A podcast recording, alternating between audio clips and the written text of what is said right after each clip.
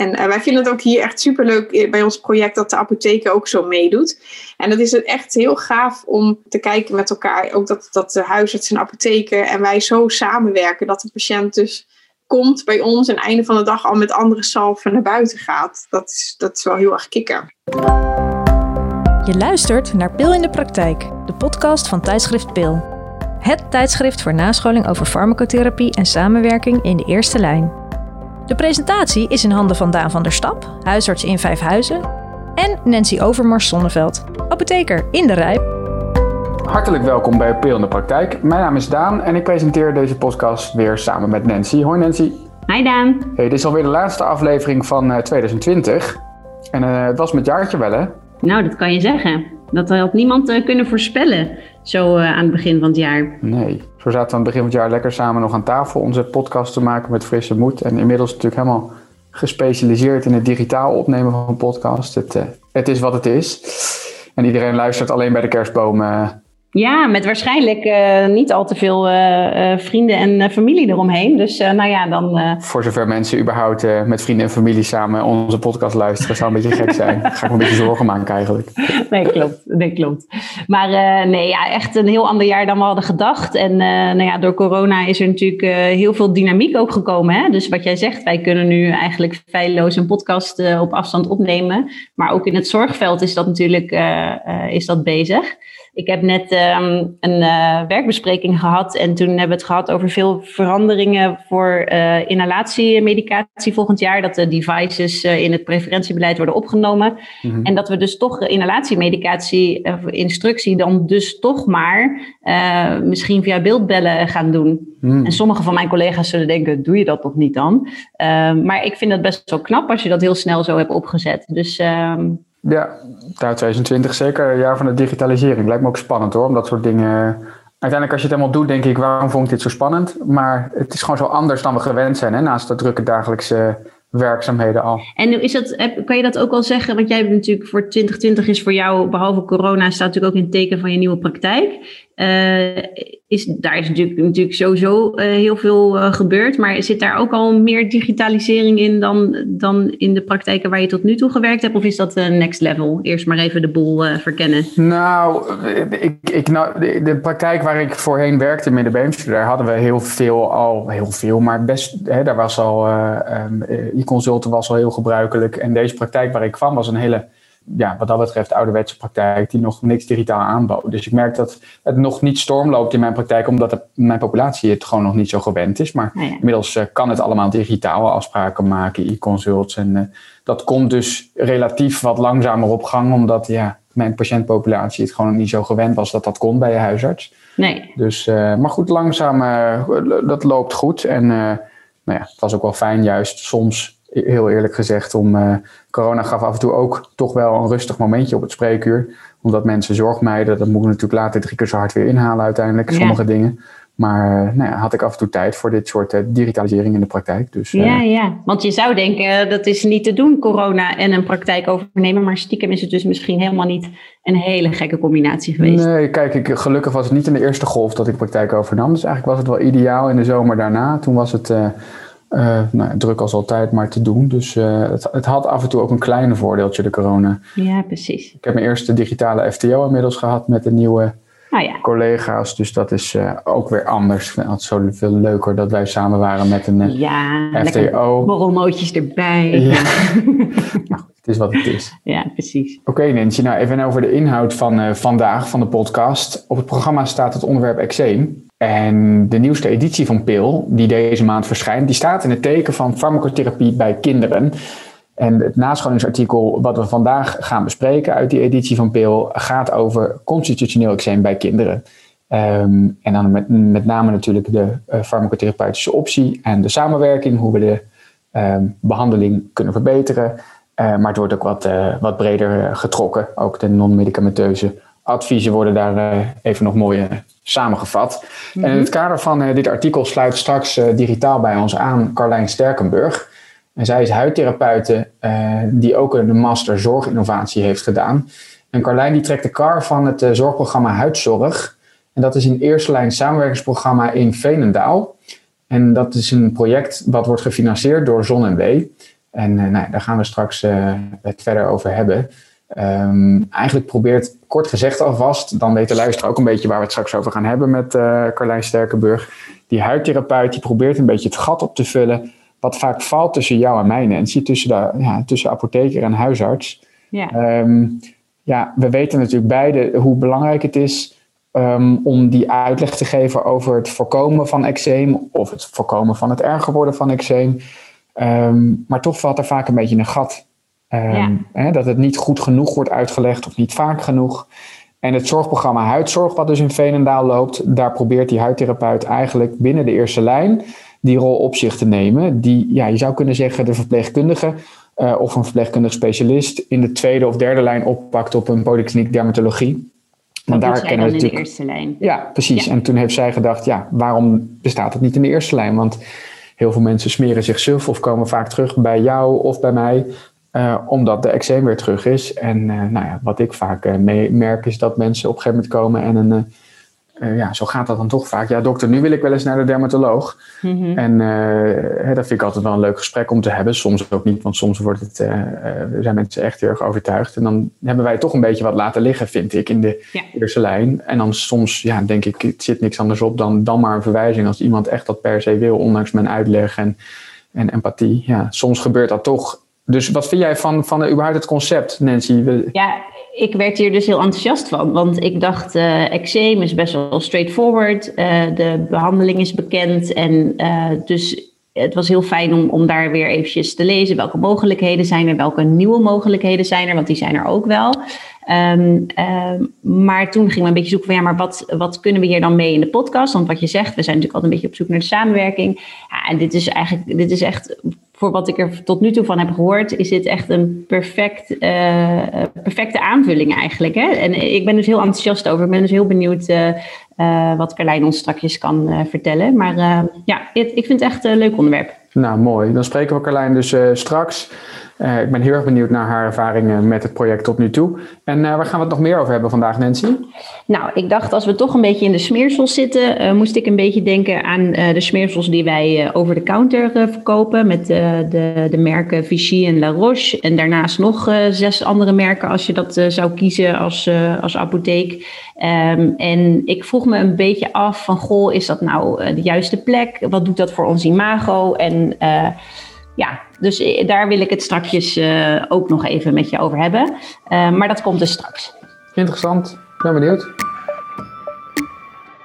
Oké, Nancy, nou dan gaan we het even hebben over de, over de inhoud van het artikel. Ik denk voor al onze luisteraars, zowel apothekers als huisartsen, hoeven we niet uit te leggen wat constitutioneel eczeem is of de pathofysiologie uitgebreid uit te leggen. Soms komen we natuurlijk een uh, wat exotischer iets tegen als restless legs, waarvan we denken, hoe zit het ook weer met de pathofysiologie en onze mhm. podcast daarover. Maar ik denk toch, constitutioneel eczeem, ook voor jou als apotheker, is niet ingewikkeld, hè, de pathofysiologie. Nee. nee, zeker. Dat is, dat is... En we komen natuurlijk ontzettend vaak tegen. En ik denk, jij zal ook herkennen, dat wordt natuurlijk ook in het artikel uh, goed beschreven door de auteurs, uh, dat het een multifactoriële aandoening is, um, dat het onderdeel is van het atopisch syndroom, dus dat je wel ziet dat mensen uh, andere vormen van allergie hebben. Ja. Um, nou, daar zijn we ons denk ik allemaal goed bewust van.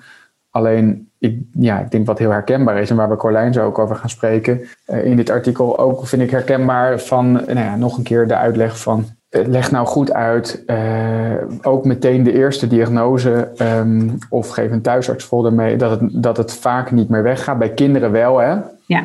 Um, volwassenen ja, blijft de aandacht er vaak zitten, maar bij jongere kinderen zie je toch wel vaak dat ze er uh, overheen groeien, noem ik dat wat maar in de spreekkamer. Mm -hmm. Maar goed, de prevalentie is hoog. Hè? Uh, de auteurs zeggen in, uh, in Nederland constitutioneel zijn bij kinderen tussen de 5 en 10 procent. Dat is toch aanzienlijk, dus dit komen zou je eigenlijk kunnen zeggen, praktisch elke werkdag komen dit wel tegen. Ja, en, en dat was gelijk ook wel weer een beetje dan mijn vraag. Want oké, dit is dan de prevalentie, maar zijn dat dan dus ernstige uh, klachten? Of weet je, hoeveel procent daarvan eh, ja, want ik bedoel, iedereen, heel veel van die kindjes hebben wel eens een beetje een plekje. Dat is een beetje wat ik me er altijd bij voorstel. En dan denk ik, nou, dan heb je 5% van de mensen die zit van top tot teen onder. En uh, die smeren zich suf. En uh, dan heb je de rest van de mensen, ja, die hebben in de winter eens een plekje. En nou, dan smeren die en dan is het weer weg. Dat is even mijn heel erg ge, um, gechargeerde, gechargeerde beeld. beeld ja. Ehm, maar toen dacht ik, ja, misschien zijn er eigenlijk wel veel meer mensen met, uh, of is het veel meer met een normaal curve verdeeld? Hè? Zijn er veel meer mensen met toch wel echt behoorlijke klachten? Dus dat was ik benieuwd. Wat zie jij uh, in de spreekkamer? Is dat beeld zoals ik dat schets of is dat iets uh, anders? Ik denk dat het überhaupt, die, die prevalentie, dat blijft juist bij zo'n zo'n prevalente aandoening, is het heel moeilijk. Want ik denk dat heel veel mensen niet komen. Uh, ik hoor zoveel mensen in de spreekkamer van je, je kan bij het kruidvat gewoon een zalf waar letterlijk op de tube eczeemzalf staat. Ja. Ik heb eigenlijk nooit goed gekeken wat daar nou precies in zit. Maar... Nou, geen corticosteroïd, maar wel, gewoon, wel een, natuurlijk een lekkere, een lekkere indifferent crème. En laten we wel wezen, dat is nou precies wat je moet smeren. Dus in die zin uh, niet zoveel mis mee. En die mensen denk ik hebben ook in de winter last. En die kopen een of andere indifferente zalf uh, bij het kruidvat. Die komen nooit op het spreekuur. Dus die tellen amper denk ik ook mee in de prevalentie. Dus tuurlijk hebben de meeste mensen weinig last. En de mensen die naar de huisarts komen, het gaat dan natuurlijk dit artikel specifiek over kinderen. Ja, ouders smeren natuurlijk van alles vaak al erop. Eh, vaseline, pseudocrème, weet ik veel. Eh, ze smeren van alles. En vaak gaat het natuurlijk al over met gewoon een neutraal zalf, iets wat ze bij de drogist halen. Ja. En de, ja, de kindjes die meer last hebben, ehm, of als ouders het, uh, zich zorgen maken, dat is natuurlijk vooral bij kleine kindjes wel vaak. Mm Echt bij baby's van, nou ja, en bij, en bij peuters zie je wel vaak dat ouders komen en zeggen: ik heb, Heeft je kindje last? Nou, ja, dat is natuurlijk bij een baby helemaal moeilijk te zeggen, maar bij een peuter niet. Maar dat ze gewoon zeggen: ja, van, het, of het ziet er toch niet uit, dokter. Dat hoor je dan vaak natuurlijk in de zomer. Ja. Maar ze willen het ook gewoon, denk ik, gewoon een keer beoordeeld hebben. He, zo van, ik denk dat het verder niet zoveel is, maar dan zou ik het fijn vinden als jij dat nog even bevestigt. En dan kunnen we dat ook gewoon uh, parkeren of behandelen. Maar in ieder geval geen zorgen meer maken.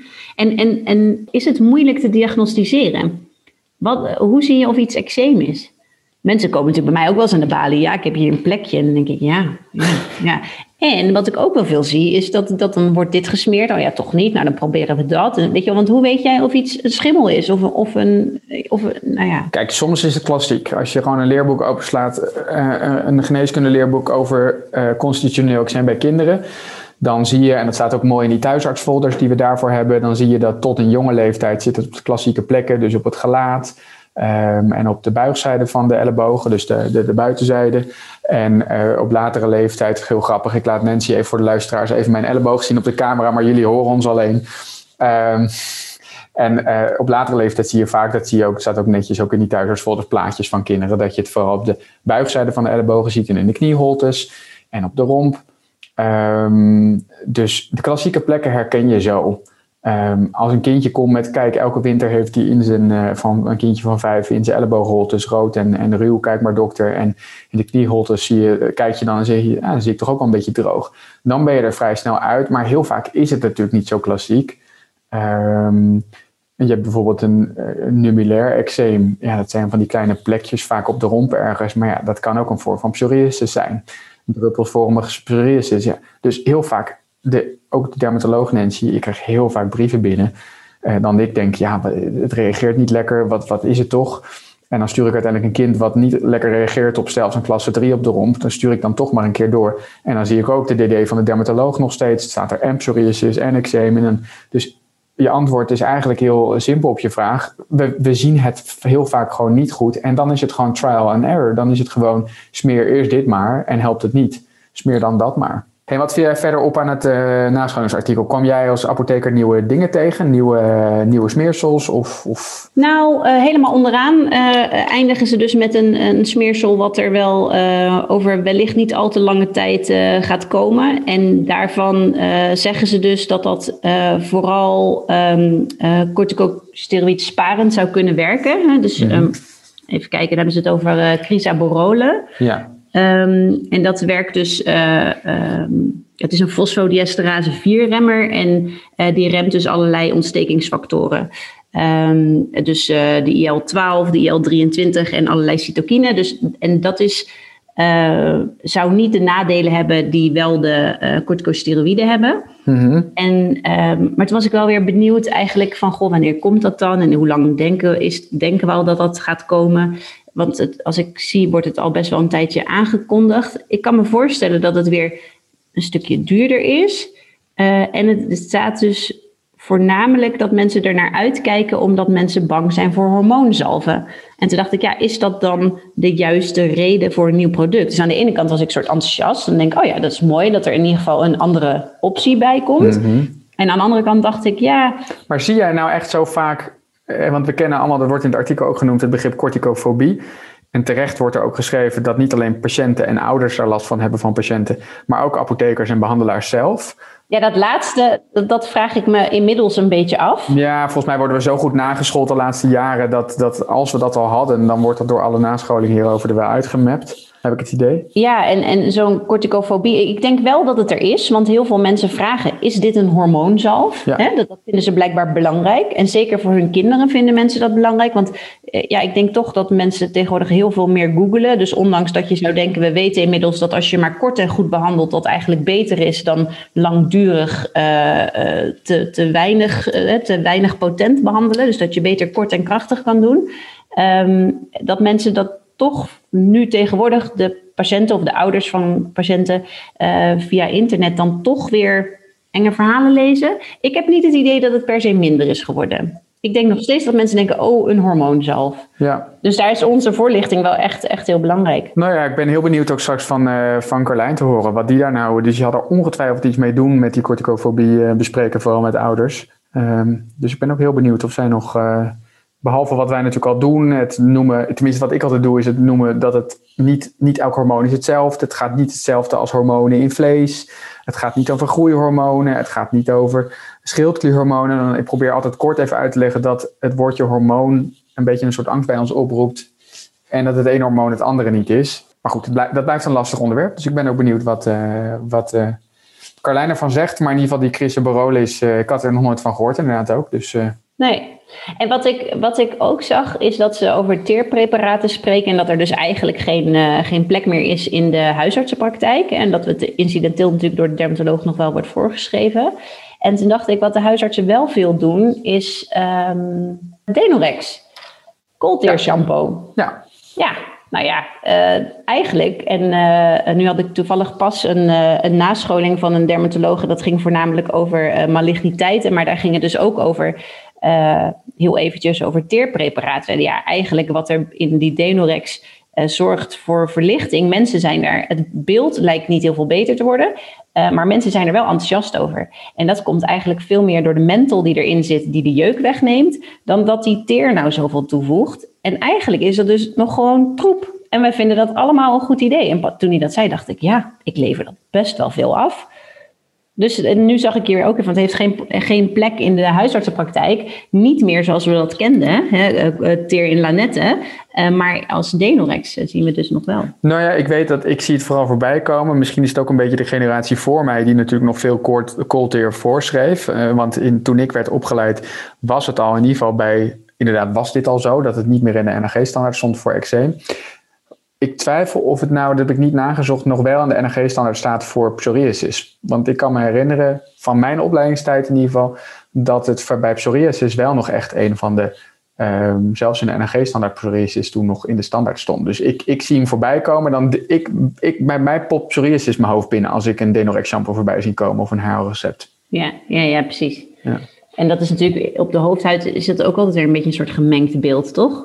Dat is ook een soort eczeem. Ja, weet je, je hebt het weer, je hebt dat, dat hoe heet het, seborrhoïs eczeem op de hoofdhuid, maar je hebt ook weer uh, psoriasis capitis. Dus je, en je hebt natuurlijk ook nog die, die, er speelt nog ook weer een schimmel weer een rol. Uh, is natuurlijk weer een andere vorm, dus het blijft ook zoeken. En we hebben het vandaag natuurlijk specifiek over het constitutioneel eczeem. Maar wel interessant inderdaad dat je dat noemt, want die teerpreparaten, ik heb het ook totaal niet in mijn pen zitten. Uh, zeker niet bij constitutioneel eczeem.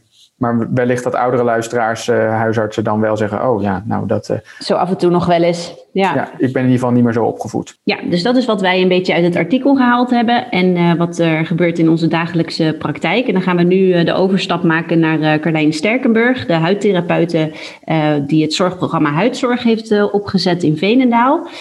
maar nu eerst even dit. Nieuw, Neovadiol van Vichy Laboratoire. Verkrijgbaar bij uw apotheker. Ja, waar ik het dus eh, met je over wilde hebben, Daan. Uh, me logisch van het ene smeersel naar het ander.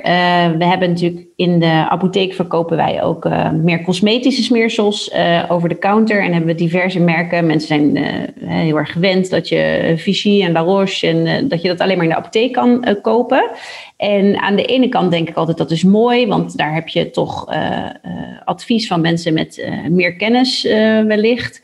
Uh, en mensen hebben ook vaak het gevoel, oh, het komt bij de apotheek vandaan, dus dan is het toch wel echt uh, goed spul. Maar soms heb ik daar zelf een beetje het idee van, ja, wat doet dat met het imago van de apotheek of van de apotheker?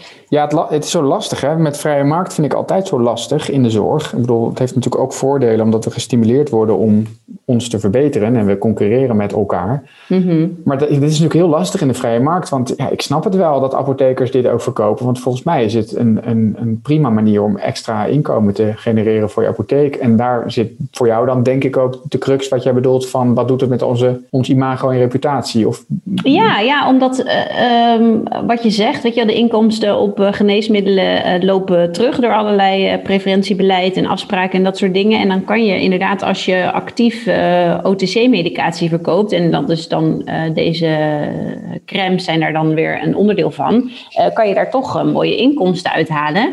En dan kan ik me voorstellen dat je dan we hebben natuurlijk altijd een spagaat waar we in zitten. Hè. We, we, moeten handel drijven en zorg verlenen.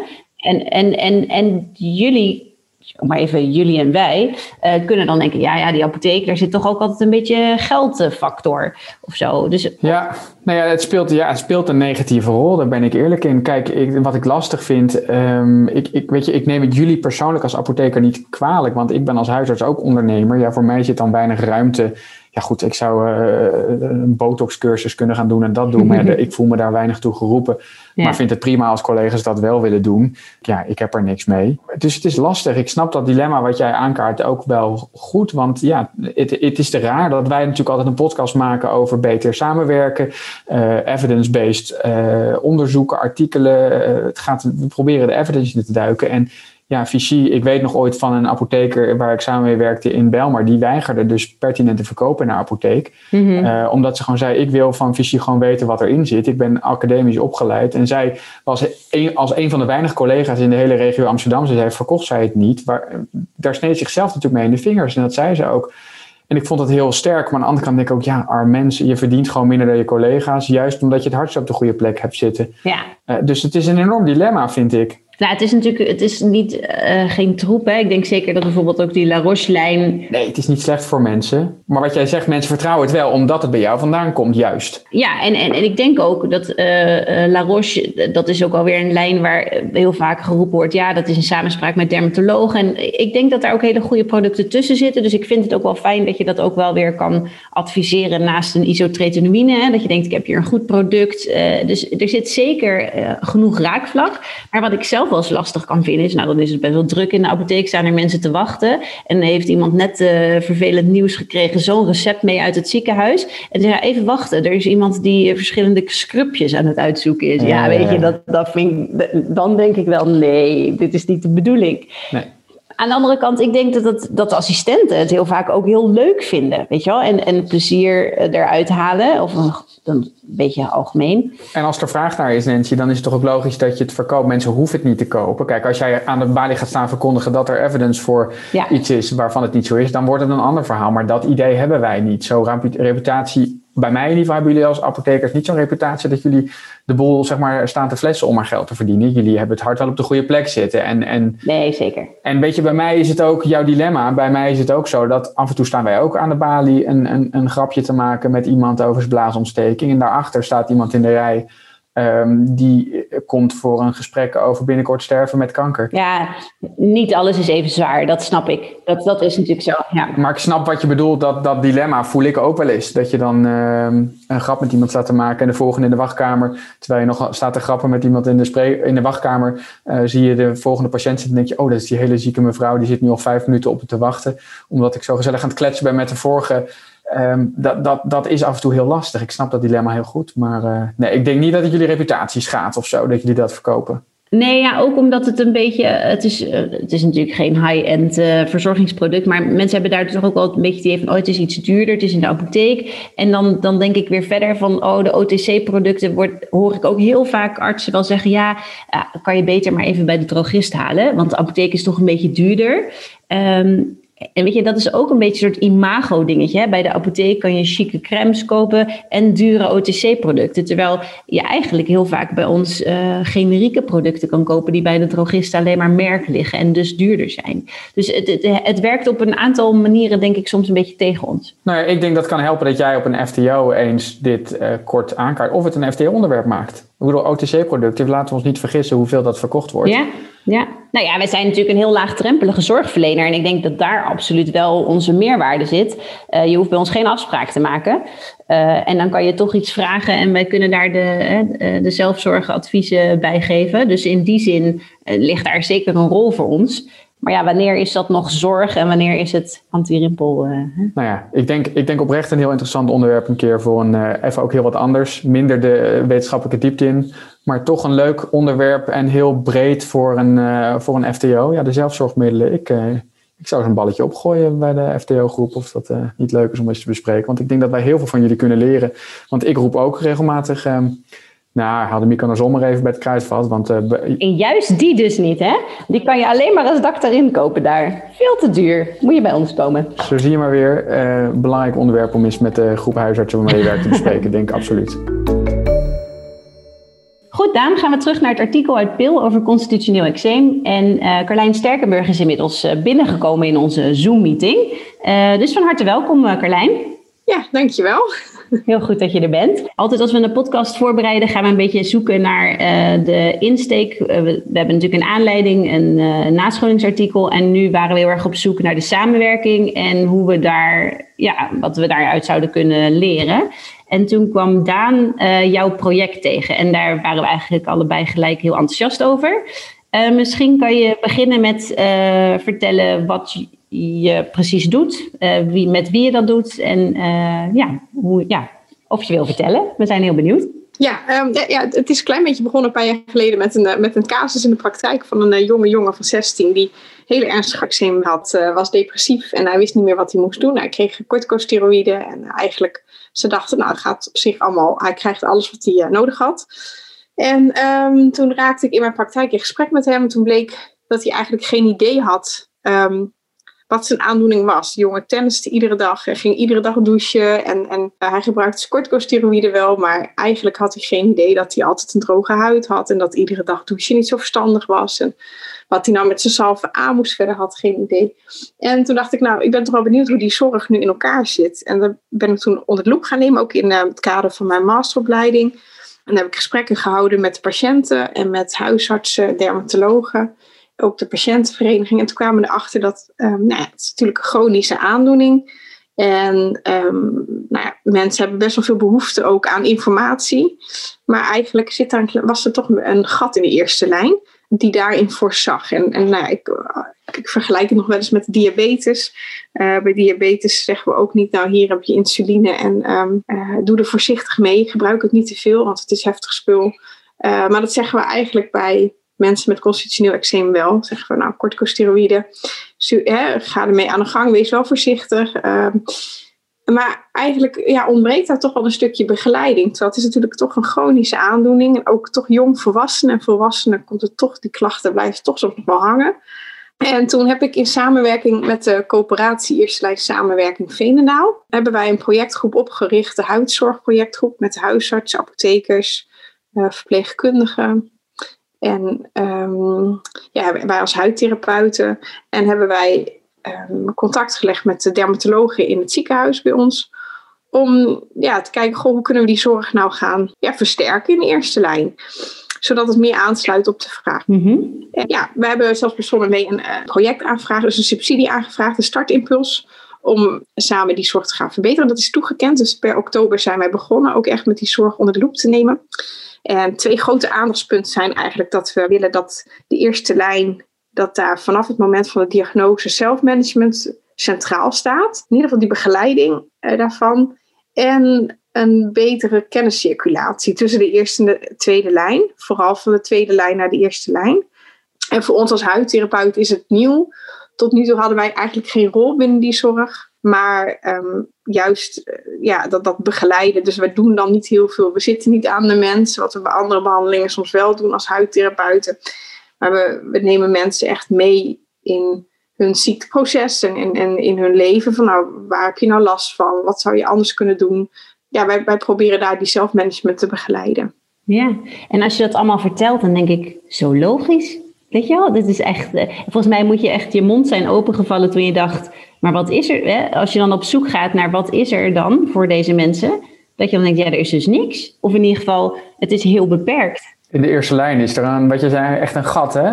Ja. Wat je vond. Was je verbaasd toen je dat vond? Wist je dat dat gat er was? Of kwam je daar echt toen pas achter? Ja, ik, ik kwam er wel echt achter. Ik, ga, ik was hogeschooldocent op de, eh, in Utrecht. En toen had ik dat we iemand met eczeem. En toen dacht ik al wel, hoe kan het nou eigenlijk dat dit zo is? Ik was er wel door verbaasd, maar vooral verbaasd dat ik dacht, wij komen namelijk niet met iets nieuws. We komen niet met een nieuwe behandeling. We komen niet ja, met een nieuwe zorgverlener in het proces. Maar ehm, niet met nieuw medicijn. Maar eigenlijk wat er al ligt, er ligt zoveel. Dus er ligt een mooie richtlijn, er ligt een mooie NHG-standaard. Maar toch in die implementatie ervan, dat het toch niet altijd helemaal lekker gaat. Ja. En daar lag eigenlijk een, ja, nog een schat aan mogelijkheden. Absoluut, ja. ja. Nou, wat ik vooral interessant vind, want we, eh, ik kwam jullie project dus online tegen, um, jullie, jullie opzet. Um, en ik vind het zo interessant dat er nooit eerder, in de tweede lijn is het natuurlijk best wel een, een, item, hè, dat de dermatoloog eigenlijk standaard bij mensen met deze diagnose mensen doorsluist naar de verpleegkundige op de dermatologie poli.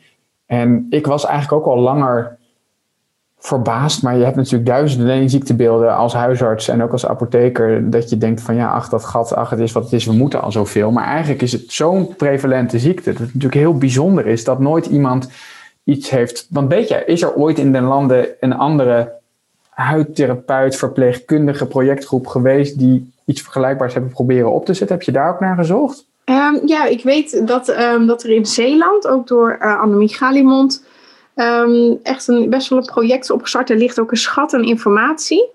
Alleen, er was niet echt een plek om het in uit te storten. En ook als huidtherapeut hebben wij niet altijd, denk ik, ons geroepen voor gevoel. Ja, want dat is eigenlijk ook al... Ik, ik vroeg aan uh, Daan voor deze podcast. Ik zeg, een huidtherapeute, wat doet die precies? Hè, waar moet ik jou plaatsen? Ben jij mijn schoonheidsspecialiste? Ja.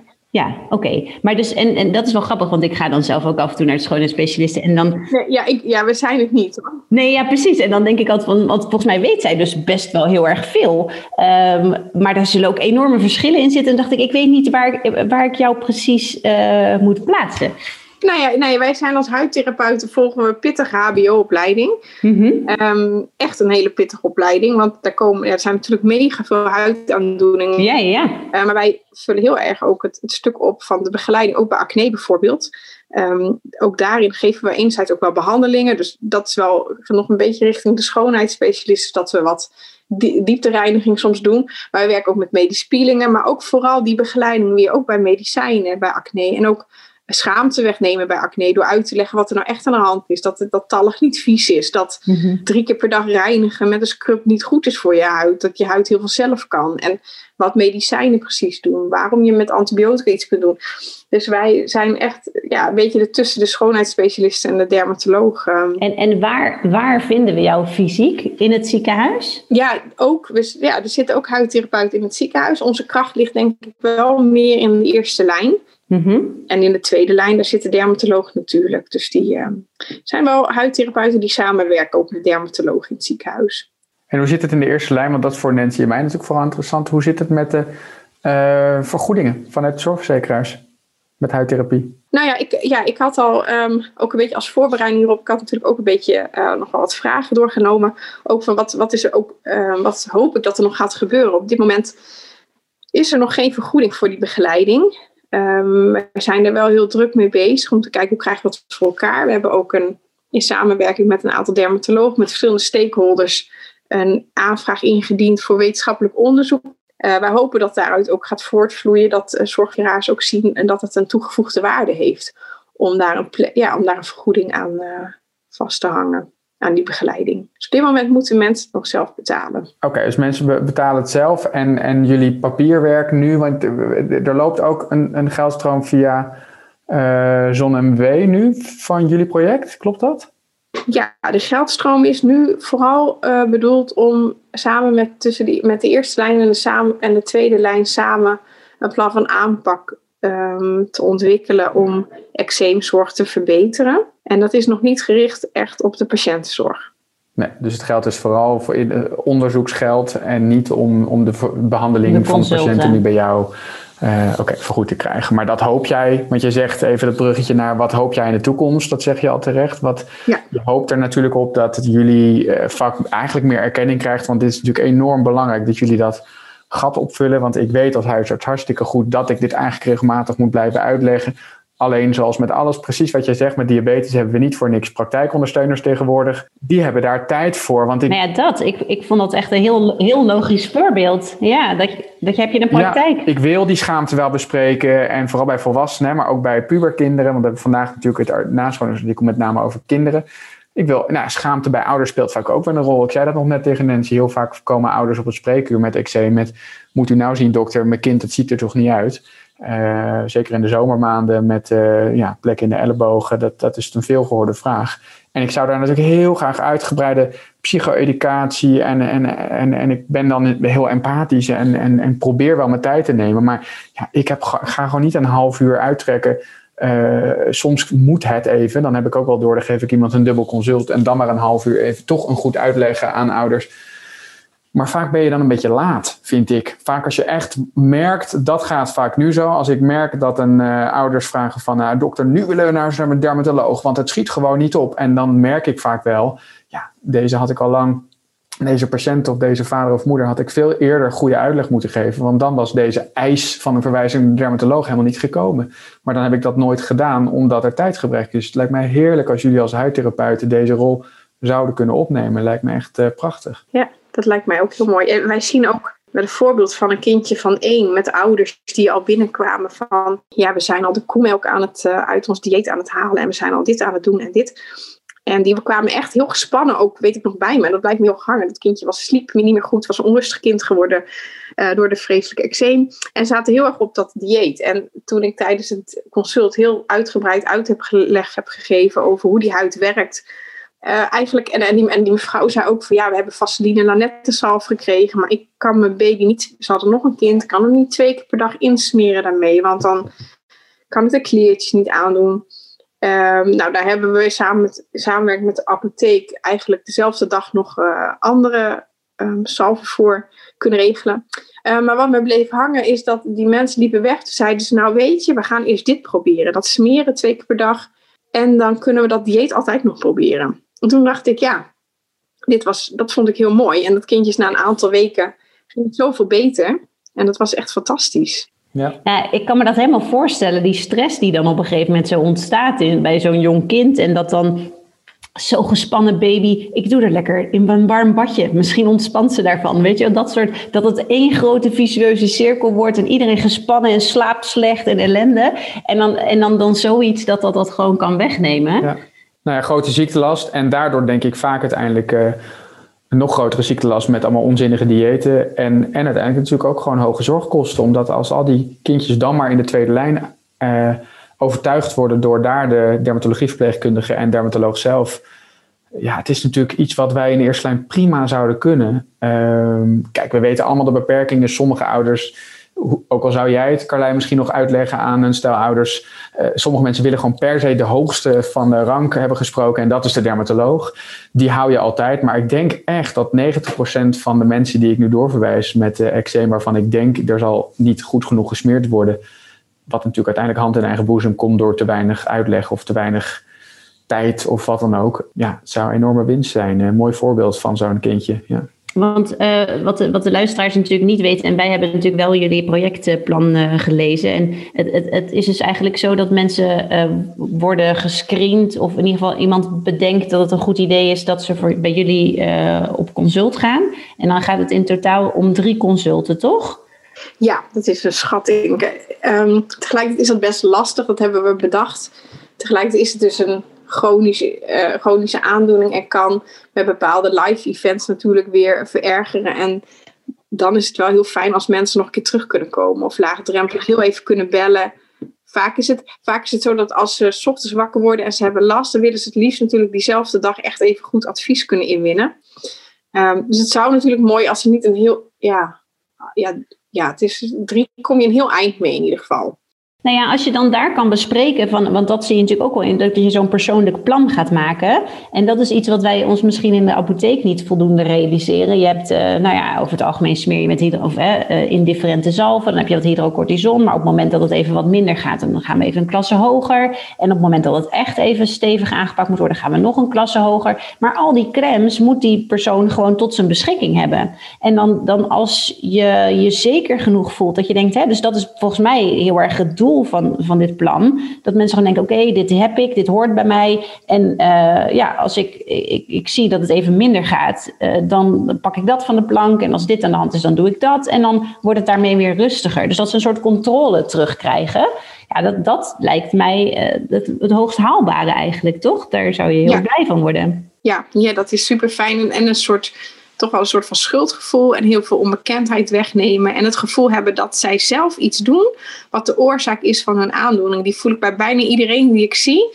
Dat is toch een soort van, maar wat is het dan? Vertel het me wat het is. Terwijl, ja, dat kun je wegnemen. Want ze doen niet iets, ja, ze kunnen wel minder hun huid uitdrogen of minder hun huid irriteren of misschien wat betreft stressmanagement. Maar de basis is er gewoon. En daar maak je mensen heel sterk mee.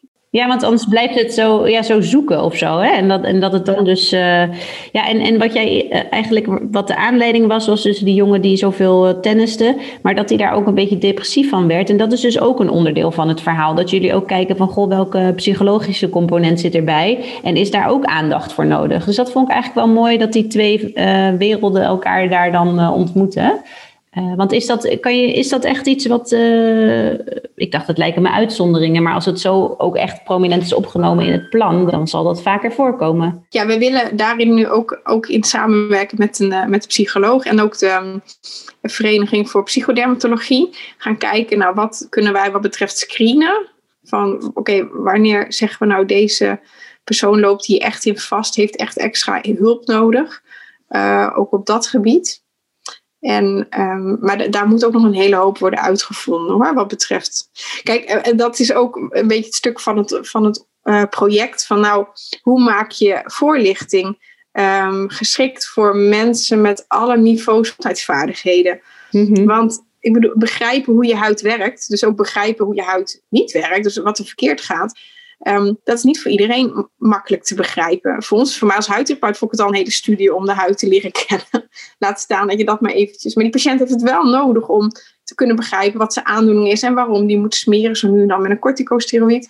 Maar daar ligt denk ik nog heel veel innovatiemogelijkheden, ook voor ons als huidtherapeut op dat vlak. Dus niet op het gebied van medicijnen, maar hoe breng je die informatie naar de patiënt zo dat hij er ook echt sterker van wordt. Ja, en, en ik denk vooral voor alle, wat jij terecht zegt, alle opleidingsniveaus en alle, ook mensen die laaggeletterd zijn. Want ik, ja, standaard uh, geef ik zeker bij nieuwe diagnose of ouders die weer eens komen met een uitbarsting van constitutioneel eczeem, dan, dan geef ik altijd de thuisartsfolder mee. En dat is een goede folder, maar ik lees toch altijd die folder met alle rijtjes opgenoemd. Ik vind dat heel eerlijk gezegd voor echt HBO, WO opgeleide ouders. En ik denk dat er ook prima ouders zijn met een MBO-opleiding die dat ook nog goed kunnen volgen. Maar ik denk mensen die echt, dat is toch een redelijke groep waarvan ik, waarvoor ik die folder echt te ingewikkeld vind. En dat is denk ik ook een hele uitdaging. En uh, wat we als huisartsen, apothekers en huidtherapeuten, iedereen die hier wat mee van doen heeft, echt over moeten nadenken hoe we die voorlichting juist bij zo'n prevalente ziekte beter kunnen krijgen voor met name de groep die ja, de thuisartsfolder gewoon te ingewikkeld voor is. Want ook die groep zal toch echt moeten snappen wat er gebeurt in de huid om zo'n chronische ziekte onder controle te krijgen. En, en jij hebt dus die, die studie gevolgd uh, daarnaast, hè? dus uh, zorginnovatie of, of wat? Uh... Ja, klopt. Ja. Lijkt me hartstikke leuk. Wat, ik denk dan gelijk, nou, waar is de apotheek over vijf of tien of vijftien jaar? Heb je daar een, een beeld bij? Ja, er is een hele hoop. Ja, deze master ging echt over hoe kun je vraagstuurde zorg ontwerpen. En dat begint echt met, met een patiënt. Dus niet met iets wat ik denk wat anders moet, maar wat een mm -hmm. patiënt zegt. En er is nog heel veel innovatie, denk ik, te vinden. En wij vinden het ook hier echt superleuk bij ons project dat de apotheek ook zo meedoet.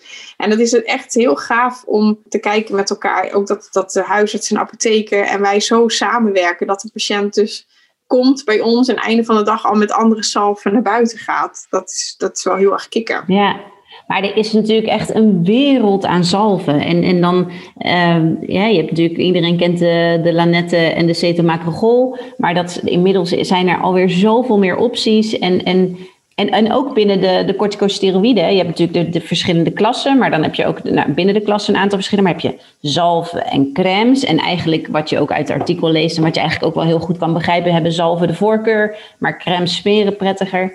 Maar ik zie zoveel crèmes hè, dat je denkt van ja, klopt dat dan dus wel? Uh, want ja, ik snap wel dat het fijner smeert, maar doet het dan ook echt wat je wil? Dus weet je, er is gewoon eigenlijk, er is zoveel, er is een soort bos. En als je dat met elkaar een beetje kan stroomlijnen. Want hebben jullie bijvoorbeeld met jullie apotheek um, een aantal indifferente crèmes uit het assortiment gegooid, bij wijze van? Of, of uh, hoe, hoe is een formularium gevormd of zo? Twee weken geleden hebben wij een gesprek gehad met um, de huisarts en een dermatologe.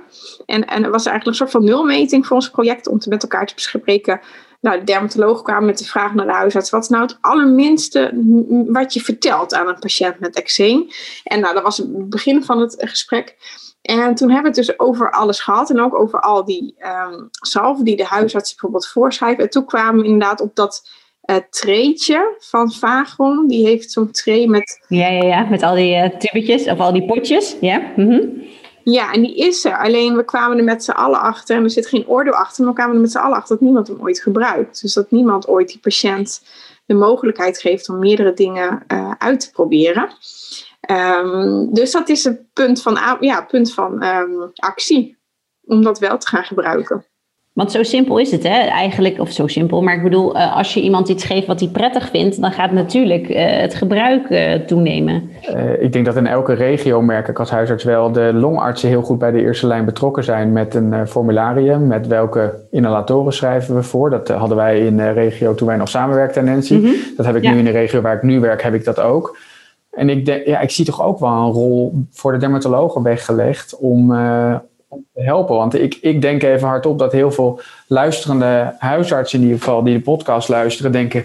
Ja, uh, Daan Amahula, uh, gaan we weer wat overnemen uit de tweede lijn. Uiteindelijk is het natuurlijk niet echt overnemen, vind, zo voel ik het, maar meer fine-tunen en verbeteren van wat we in de eerste lijn al doen. En dat gewoon wat we al doen en kunnen succesvoller maken. Maar ik denk dat wel een hele mooie stap zou zijn om inderdaad die, die, die, die lijntjes tussen eerste en tweede lijn voor eczeemzorg ook veel korter te gaan maken. Te beginnen met denk ik inderdaad een, een soort formularium maken uh, of, een, of een afspraak dat uh, wat we standaard doen bij een nieuwe eczeempatiënt of een eczeempatiënt waar het niet onder controle is, bijvoorbeeld met zo'n vaagontreetje beginnen of iets. Is daar bij jullie ook, want je zegt we hadden nu een gesprek met huisarts en, eh, en een dermatoloog. Komt daar nog een vervolg aan, denk je? Dat jullie echt proberen in de regio Veenendaal dat een soort standaard voor de huisarts uiteindelijk iets op papier te zetten, dat alle huisartsen in jullie regio een soort standaard smeertreetje, schemaatje iets gaan voorschrijven een beetje om het meer uh, gestroomlijnd te krijgen? Ja, dat is een goede vraag. Ja, ja de volgende zitting zeg maar is uh, dat er uh, de apothekers met de dermatoloog gaan praten en dan gaan we nog met z'n allen praten en dan gaan we ook echt um, ja, een, een, een soort nascholing organiseren voor alle huisartsen hier in de omgeving. En dat willen we weer als voorbeeld geven ook voor um, ja, voor de rest van het land. Dat is ook de opdracht vanuit Zon om het uh, uit te kunnen rollen naar de rest van het land. Dus dat um, staat zeker op de planning. En daar was dit, die nulmeting heel belangrijk voor. Van wat zeg je nou eigenlijk in de praktijk? Omdat het allemaal zo makkelijk lijkt. Hè? Uh, en, en dan moet je het allemaal nog organiseren. Dus het is helemaal niet makkelijk. Maar omdat het zulke logische stappen zijn, zou ik echt dolgraag daar willen aanhaken. Weet je wel? Dus dan we zijn eigenlijk te vroeg met jou bellen. We moeten je over een jaar weer bellen en, en kijken, uh, ja, hoe is het gegaan? en, uh, want ik bedoel, wat, wat is er tot nu toe echt? Je bent al mensen aan het spreken. Je hebt, hoe, hoe ver zitten jullie in het, in het verhaal? Kun je al iets, iets over uitkomsten zeggen of is het echt? Zij sinds oktober zie je echt officieel patiënten in dit project, toch? Of? Ja, officieel. We hebben eigenlijk een kleine pilotstudie gedaan. Een hele, nou, wetenschappelijk niet hele sterke pilotstudie. Maar wel een hele praktische en heel uh, leuke kleine pilot. En daarin hebben we patiënten gezien toen hield de financiering daarvoor op voor die patiënten. En wij als huidtherapeut, ja, wij zijn ook geen liefdadigheidsinstelling. Dus dat was heel lastig.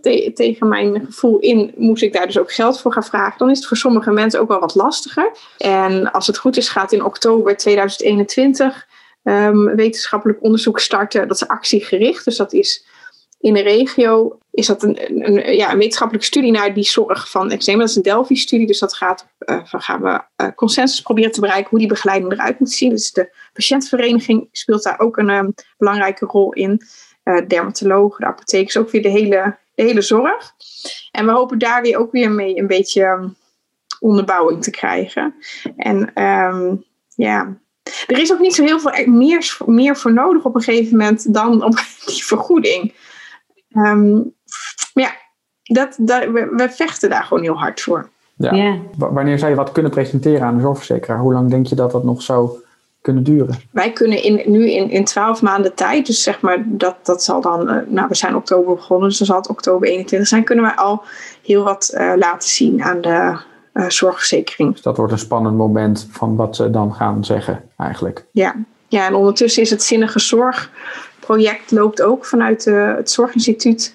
En die richt zich nu ook op de uh, zorg rond eczeem en psoriasis. En daar is ook wel naar voren gekomen dat die zelfmanagement moet verbeteren.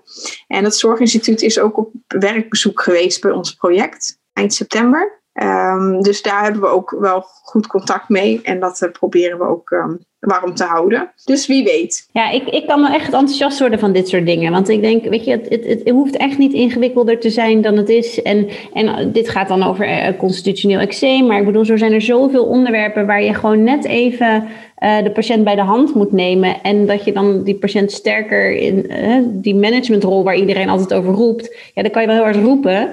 Um, uh, maar ja, je moet mensen wel daar de handvatten voor geven. En dit vind ik dus echt heel leuk, omdat het ja, haalbaar lijkt. Het is een enorme verbetering van kwaliteit van zorg, uh, ja. denk ik. Ja. En kwaliteit van leven dus ook voor de patiënt met name. En uh, daar doen we toch tenslotte voor elke dag naar ons werk komen. Ja, zeker. Ja, ja dat is zo. Ja. Hey, um, Carlijn, superleuk dat je dit hebt uh, willen vertellen. En uh, ik ben nog even benieuwd of er iets is waarvan je zegt dat dat moet iedereen nog even weten. Dat wil ik nog even kwijt. Nou, nee, ik denk dat, dat ik aardig wat. Nee, ik heb denk dat ik aardig wat heb kunnen vertellen. Ik heb ja, alleen nog niet. Ja, wij, het, het is meer de afbouwschema's. Mm-hmm. Dat, is, dat is voor mensen als ik ze geef. En dat zijn eigenlijk vaak de afbouwschema's van de MHG. Ze liggen er, ze liggen staan op internet. Um, het is zo'n mooi middel. Uh, en, en eigenlijk als we ze uitleggen, en dat, ik denk misschien kan dat in de huisartsenpraktijk nog wel. Hè, dat, kost misschien, ja, kan ik lekker makkelijk zeggen, kost niet veel tijd. Maar um, ik denk dat dat nog een heel mooi middel is. Uiteindelijk bespaart het je tijd, denk ik toch? Ja, maar je zou hier wel kunnen zeggen dat de huisarts zou het op het recept kunnen noteren. En dan kan de apotheker daar weer wat mee. Weet je, wij staan ook weer uh, vijf of tien minuten met iemand te praten. Nou, oké, dat overdrijf ik misschien een beetje. De een langer en de ander korter. Uh, dus ook daar kan je wel zeggen dat er ook weer een stukje, uh, als wij maar weten wat jullie plan is. Want wij krijgen een recept. En hè, jij vroeg ook van ja, Daan, wat, wat wil jij van mij weten? Ja, soms een heleboel en soms niet zoveel. Maar dit soort dingen, weet je, wat, is, wat heb je afgesproken over afbouwen?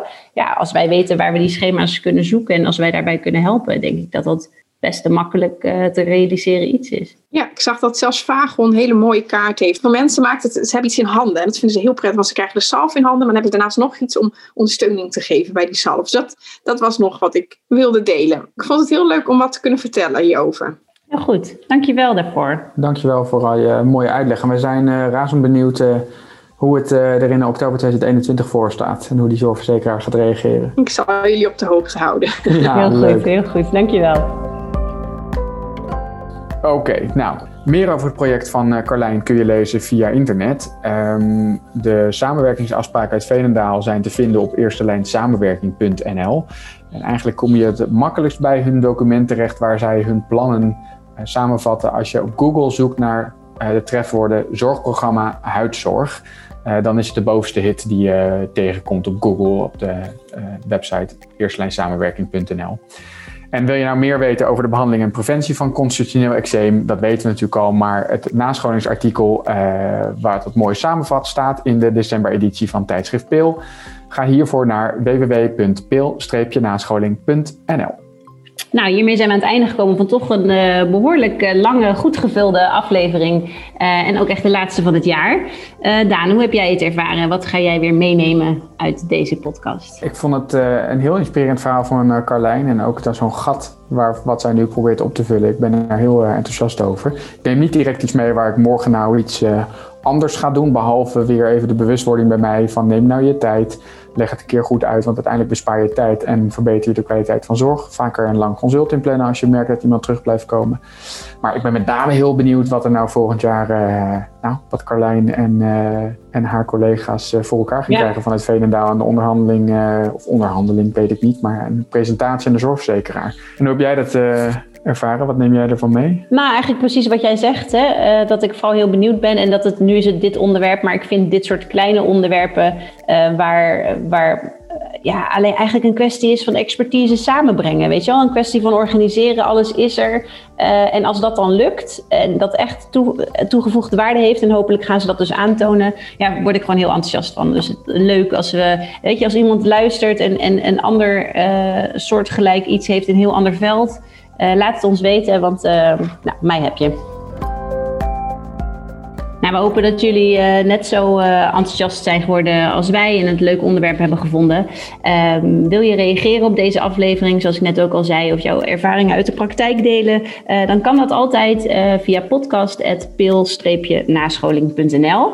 En als je meer informatie wil over het tijdschrift Pil en het behalen van de nascholingspunten van de eh, artikelen, de diverse artikelen in het blad, dan kun je terecht op www.pil-nascholing.nl. Nou, dan uh, kan ik alleen maar afsluiten met alle luisteraars hele fijne feestdagen te wensen en alvast een gezond nieuwjaar. Heel veel dank voor het luisteren en heel graag tot uh, eh, 2021. Ja, tot volgend jaar mensen. Dag. Doeg. Je luisterde naar Pil in de Praktijk, de podcast van tijdschrift Pil. Het tijdschrift voor nascholing over farmacotherapie en samenwerking in de eerste lijn. Pil verschijnt vier keer per jaar in de vorm van een papieren tijdschrift en geaccrediteerde e-learnings. Ga voor meer informatie en abonnementen naar www.pil-nascholing.nl.